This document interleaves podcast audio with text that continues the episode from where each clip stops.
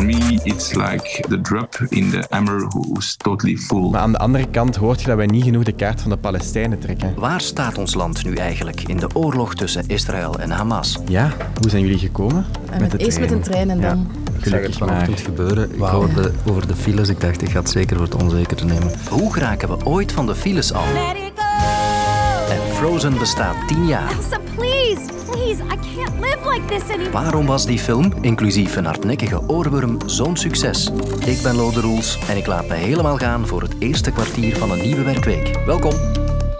Je kon er niet omheen dit weekend om deze woorden van NVA-parlementslid Theo Franke. When the prime minister now go to your country to give your lessons uh, how you have to behave and what you have to do, uh, for me it's like uh, the the drop in the hammer who's totally full. Het internet amuseerde zich vooral met zijn steenkolen Engels. The hammer who's totally full. Maar ook de context van de uitspraak was opvallend. Een interview met een Belgisch parlementslid op de Israëlische televisie, dat zie je niet elke dag. En dan hebben we het nog niet eens over de inhoud. Want wat bedoelt Theo Franke met die drop in the hammer who is totally full? Daarvoor moeten we even terugspoelen naar vorige week. Premier De Croo bracht toen een bezoek aan Israël samen met zijn Spaanse collega Pedro Sanchez. En op vrijdag gaf hij een toespraak aan de grens met Gaza. My colleague Pedro Sanchez and I come here with a message of solidarity and of humanity. De Croo veroordeelde de terreurdaden van Hamas, maar hij was ook kritisch voor de Israëlische bombardementen op Gaza. Way too many people have died. The destruction of Gaza is unacceptable. Zijn speech lokte meteen een golf van kritiek uit, vanuit heel uiteenlopende hoeken. Enerzijds hoor je dan dat de kroon niet genoeg de kant van de Palestijnse burgers kiest. Dag meneer de premier, u vraagt ook minder burgerdoden. En met minder bedoelt u? Ja, want minder klinkt zo wat alsof dat het ja voor een tweede portie choco moest, maar... Want ja, over mensenlevens, maar dat... Maar anderzijds is ook Israël furieus. Wij veroordelen de valse beweringen van de premiers van Spanje en België, die steun verlenen aan terrorisme en niet de volledige verantwoordelijkheid bij Hamas leggen. En zo komen we terug bij de volle emmer van Theo Franke. Dat de Kro afzakt naar Gaza om Israël de les te spellen, is voor hem de druppel. Franke geeft intussen toe dat hij het wat sterk heeft verwoord, maar blijft er wel bij dat België te eenzijdig anti-Israëlisch is. Oké, maar wat is het nu? Is ons land anti-Israëlisch of te Israëlisch? Aan welke kant staat België echt in de oorlog tussen Israël en Hamas? Professor Europese politiek Steven van Hekken vindt dat ons land een heel genuanceerd standpunt inneemt. Ik denk dat de regering van bij aanvang een politiek heeft gevoerd van slaan en zalven. Slaan uh, zowel naar de richting van Hamas natuurlijk, die verantwoordelijk is voor de terroristische aanslagen en burgerslachtoffers in Israël maar ook natuurlijk de disproportionele reactie van Israël en anderzijds zalven opkomen voor de rechten van de burgerslachtoffers aan beide zijden van het conflict. En binnen Europa is dat standpunt eerder uitzonderlijk. België neemt een redelijk unieke positie in, omdat er weinig lidstaten trachten te laveren tussen de twee uitersten. Je hebt enerzijds landen die toch eerder de kaart van de Palestijnen trekken. Denk bijvoorbeeld aan Ierland, omwille van een eigen onafhankelijkheidsstrijd. Maar ook Spanje en een aantal Latijnse landen zitten eerder op de lijn van de Palestijnen. Daartegenover staat bijvoorbeeld Duitsland, maar ook Nederland, die duidelijk de kant van Israël kiezen. Ook een aantal landen in Centraal- en Oost-Europa. Nu, dat verheelt niet dat er natuurlijk binnen die landen ook zelf oneenigheid is, soms ook binnen die regeringen. En België slaagt er eigenlijk het best in om eh, die verschillende gevoeligheden met elkaar te verzoenen. Maar die grote Europese verdeeldheid zorgt ervoor dat de EU weinig kan doen in dit conflict. De Europese Unie is de belangrijkste donor als het gaat om de ondersteuning van de lokale bevolking in de Palestijnse gebieden. Maar daar houdt het ook op, omdat de lidstaten natuurlijk fundamenteel veroordeeld zijn. Dat waren ze al voordat de Europese Unie er bestond en dat blijft zo. Er zijn zelfs spanningen binnen politieke partijen. Denk bijvoorbeeld aan de MR. Ik denk niet dat voorzitter Boucher volledig op de lijn zit van de minister van Buitenlandse Zaken van België. Er zijn ook spanningen binnen politieke en families. De socialisten zijn er niet in geslaagd om op een partijcongres in Malaga enkele weken geleden om tot een gemeenschappelijk standpunt te komen. Dus het is zeer veruitdelend en in die zin weinig verbazingwekkend dat de Europese Unie niet kan wegen. Voor Israël is ze veel te pro-Palestijns en voor de Palestijnen is ze veel te pro-Israël. Op 1 januari wordt België zes maanden lang voorzitter van de Raad van de Europese Unie. Gaat ons land dan zijn standpunt moeten veranderen en zullen we een ander geluid horen van de premier? Nee, in alle andere domeinen wordt er van België verwacht dat ze een soort middenpositie inneemt en dat ze tracht alle lidstaten op één lijn te krijgen, maar niet op vlak van buitenlands beleid. Daar kan ze eigenlijk haar eigen koers trachten te varen. Wat België kan en moet doen, is denk ik vasthouden hè, aan de keuze voor de zwakste partij in dit conflict. Blijven hameren op het zoveel mogelijk beperken van burgerslachtoffers en het perspectief van de twee-staten-oplossing niet loslaten. Want dat is uiteindelijk toch wat er aan de horizon opdoemt. Hè. Vroeg of laat zal er opnieuw aan tafel moeten worden gezeten en zal er over vrede moeten worden gesproken. En het algemeen kader waarbinnen dat moet gebeuren is een twee-staten-oplossing. Daar is weinig op af te dingen, denk ik. Um, ja, die files. De vraag is natuurlijk wat doen we daaraan. Hè? Dat, mm. Ik heb ook de indruk dat het, dat het steeds erger wordt. Ja, het is ook zo. Bij onze eerste kop koffie van de dag ging het op deze maandagochtend alweer over de files. Het is een uh, vreselijke ochtendspits. 413 kilometer file al. Op de er zijn ook mensen die echt aan het pleiten zijn in hun auto op dit moment. Ja, ik heb het gehoord. Sterk, ja. En de meters gaan nog maar eens in het rood. Als je aan het kijken bent in de app van Radio 2 of live op VRT1, zie je die verkeerskaart die toch wel heel rood aan het kleuren is. Vertel eens, Mona. Het is vandaag echt een zottekot hier. Ja, ik vrees dat we allemaal gewoon om de hoek gaan moeten wonen, jongens. Maar ik vind ook wel, als ik zo op uren als nu moet komen, dat ik dan rapper ben met een trein dan dat je het met een auto doet. Dan... Op maar vooral ook, ik kan op de trein ook al een stuk werken. Hè. Het is relaxter. En ook relaxed. Anders ben ik al helemaal opgefokt als ik hier toe kom. Ik moet morgen met een auto komen. Ik, ik zie er al tegenop om op een dinsdag, een dinsdag ja, nee. te komen. Ja, valt, valt de tijd nog te keren uiteindelijk. Ja. ja, we kunnen nog uren doorgaan met klagen. Zeker als ik denk aan het absolute filerecord dat we dit jaar zonder twijfel gaan breken. En aan de winterse neerslag die er deze week aankomt. Maar uiteindelijk komt alles neer op die vraag van mijn collega Daan. Ja, valt, valt de tijd nog te keren uiteindelijk? Ja. Ik vond iemand die denkt van wel. Ja, het antwoord is ja. Hoogleraar emeritus Stefan Proost van de KU Leuven. Zeg maar, Stef. En ik doe transporteconomie, milieueconomie, energie-economie en daar stopt het. En ik leg hem een lijstje voor met mogelijke oplossingen voor dat hardnekkige fileprobleem.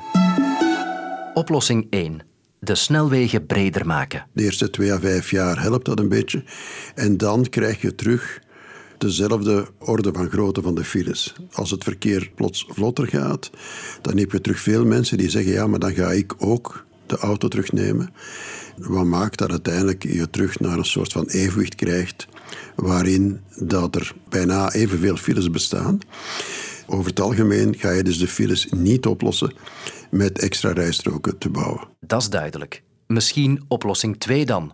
Meer mensen op het openbaar vervoer. Probleem met het openbaar vervoer is dat die capaciteit van het openbaar vervoer is beperkt. Te veel mensen willen op hetzelfde moment die capaciteit gaan gebruiken. Die capaciteit is er niet. Als je zegt, kijk, ik wil de Noord-Zuid-verbinding gaan uitbreiden, ja, dan ben je vertrokken voor twintig jaar. Hè? Dus er is zeker iets te doen op vlak van openbaar vervoer. Maar dan zou ik eerder denken concentratie van de capaciteit op bepaalde lijnen. Eerder dan proberen overal openbaar vervoer aan te bieden. En ten tweede, de prijs gaan differentiëren nagelang de spits eh, en de dalperiode. Dat zou eventueel een beetje soelaas kunnen geven. Een kilometerheffing. Dat is oplossing 3 op mijn lijstje.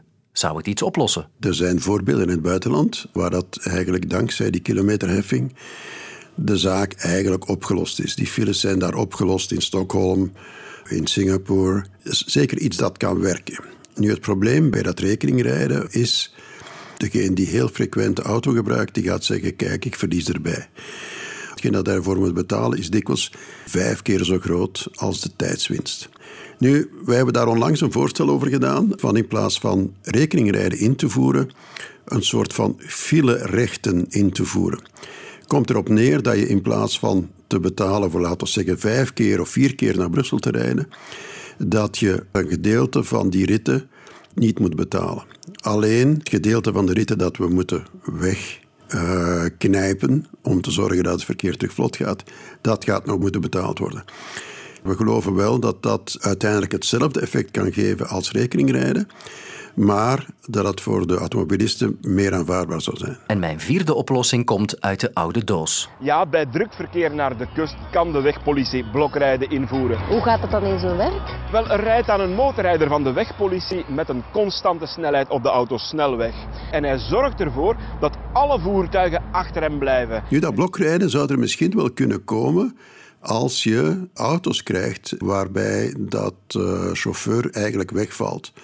Volautomatisch rijden is in feite blokrijden. Hè? En zo kan je dus de capaciteit van de weg vermeerderen. Met die volautomatische auto's ga je auto's die kunnen uh, rijden op vrij hoge snelheid met een heel beperkt uh, ruimte tussen die twee auto's. Dus dat is een, laten we zeggen, de moderne vorm van blokrijden die er misschien aankomt binnen 10, 20, 30 jaar. Vandaag, tien jaar geleden, ging in de Verenigde Staten de film Frozen in première. Elsa? Ik heb zelf twee dochters en die waren toen vijf en zeven jaar oud. Ik maakte het dus allemaal mee van op de eerste rij. Do you wanna build a snowman? Come on, let's go and play. Voor wie Frozen niet kent, die Disney-film vertelt het verhaal van de prinsessenzusjes Anna en Elsa in het vastgevroren koninkrijk Arendelle. Elsa, no, no, wait. Give me my glove. Elsa, please, please. I can't live like this anymore. De film werd een gigantisch succes. In een jaar tijd bracht hij bijna 1,3 miljard dollar op en won 48 prijzen, waaronder enkele Oscars en een Golden Globe. Vier jaar geleden kwam er een tweede film. Goh, ik denk wel dat ik het op één hand kan tellen hoe vaak ik hem gezien heb. Het is niet dat ik daar zo'n grote fan van ben, maar ik vind het wel ontzettend goed gemaakt. Dat wel. Dit is Robin Broos, filmjournalist en auteur van het boek Do You Speak Disney over 100 jaar Walt Disney Studios. Waarom werd Frozen zo populair en baanbrekend? Ja, waarom het zo'n succes was, heeft denk ik in de eerste plaats te maken met het feit dat Disney um, bewust een andere richting is ingegaan op het vlak van narratief. Wanneer, wanneer we dit soort van prinsessenfilms zien, dan gaat het niet meer noodzakelijk over een prinses zoals Sneeuwwitje die op een steen zit, die een liedje zingt en wacht totdat er toevallig een prins voorbij komt. Nee, het gaat eigenlijk over vrouwen die totaal niet op zoek zijn naar een man, die gewoon hun eigen ding doen en die al dan niet toevallig misschien toch een man kruisen. En dat is op zich nieuw, zorgt er ook wel voor dat, uh, ja, dat je daarmee een nieuwe generatie kinderen gewoon een ander verhaal vertelt. En dat is iets wat in progressievere tijden uh, misschien wel ook belangrijk is voor ouders die met, met hun kinderen naar dit soort films willen gaan. Um, I was just wondering, has another young woman, the queen perhaps, I don't know, passed through here? Only one crazy enough to be out in this storm is you, dear. Bij de film hoorde ook een soundtrack die ouders van jonge kinderen, uh, hoe zal ik het zeggen, veelvuldig te horen kregen. Ook het onvermijdelijke Let It Go. We hoeven er niet flauw over te doen dat het nummer Let It Go ook ontzettend veel gedaan heeft. Tot vervelend toe, want er zijn heel veel mensen die het nummer sindsdien niet meer kunnen uitstaan omdat ze het zo vaak hebben moeten horen. Maar het is een, een ja, geweldig goed geschreven nummer dat blijft hangen, dat op een zeer cruciaal moment ook in de film passeert. En dat is, ja, op zich is dat ook niks nieuw. Dat is iets wat Disney, ik zeg maar iets, in de, in de belangrijke jaren 90 ook heel veel deed in zijn zeer bewust in de markt gezette musicalfilms. Um, je voelt dat die film echt gemaakt is door mensen die um, ja, komen uit een muzikale achtergrond. En hoewel dat de film aanvankelijk niet in de markt is gezet als een musical, omdat ze schrik hadden dat mensen daar anno, uh, wat was het, 2014, daar eigenlijk niet meer mee bezig waren, uh, dan toch is net uitgerekend dat aspect van die film zo populair geworden. Mensen zingen die nummers mee, er zijn karaoke's georganiseerd. En dat nummer wordt nog altijd gedraaid. Vandaag vind je in winkels wereldwijd nog altijd massa spullen van Frozen. Kostuums, brooddozen, Lego, spelletjes, noem maar op. Maar die merchandising kwam traag op gang. Ze hadden aanvankelijk gedacht dat Frozen het niet zo goed ging doen, wat maakt dat er bij de release heel weinig merchandise voorhanden was. Je moet weten, als je speelgoed wil laten produceren, dan gaat daar minstens anderhalf jaar aan vooraf, van ontwerp tot en met productie, tot en met het verschepen van China terug naar het westen. En omdat men dacht, ja, Frozen gaat het niet goed doen, is er gewoon te weinig besteld. Waardoor er heel veel teleurgestelde ouders en bijgevolg ook teleurgestelde kinderen in de want de schappen waren leeg. En dus hebben we dat dan ingehaald met een, uh, met een manoeuvre door dan toch wel ja, binnen het half jaar, binnen het jaar zoveel mogelijk nieuwe dingen te produceren. En winkels liggen nog altijd er vol van. Voor Voor het bedrijf Disney was de impact van de film verrijkend. Als het over de Disney Studios of over de animatiestudio gaat, heeft het wel echt een grote verandering teweeggebracht. Disney was eigenlijk ingehaald door zijn eigen dochterbedrijf, door Pixar. Pixar maakte de goede, interessante, creatieve films en Disney maakte eigenlijk in de jaren 2000 heel uh, saaie, slechte films. En het is met die Frozen dat die kentering echt wel uh, ingezet is. Dat het eigenlijk bijna omgekeerd geworden is voor een bepaalde periode. Dat het plots weer Disney was die de hele goede films maakte. Ik had nog één vraag voor Robin. Komt er een vervolg op Frozen? Er komen, uh, sorry Lotte, nog heel veel Frozen-films aan. Niet één, maar twee zijn er aangekondigd. Frozen 3 en 4. Die ze nu op dit moment tegelijk aan het produceren zijn. En dat verklaart helemaal de strategie van Disney daarin. Zij beschouwen Frozen echt als een individuele franchise en niet meer noodzakelijk als een film in het palmares. En dat is iets wat op alle fronten gaat moeten geld opbrengen. Yes! Ons sprookje is daarmee helemaal uitverteld. Eindgoed, al goed zullen we dat maar zeggen zeker. Morgen vertellen we drie nieuwe verhalen. Tot dan. Luister ook naar Snapt je mij nu? Onze VRT Nieuwspodcast waarin straffe twintigers praten over hot topics. Nu in de app van VRT Max.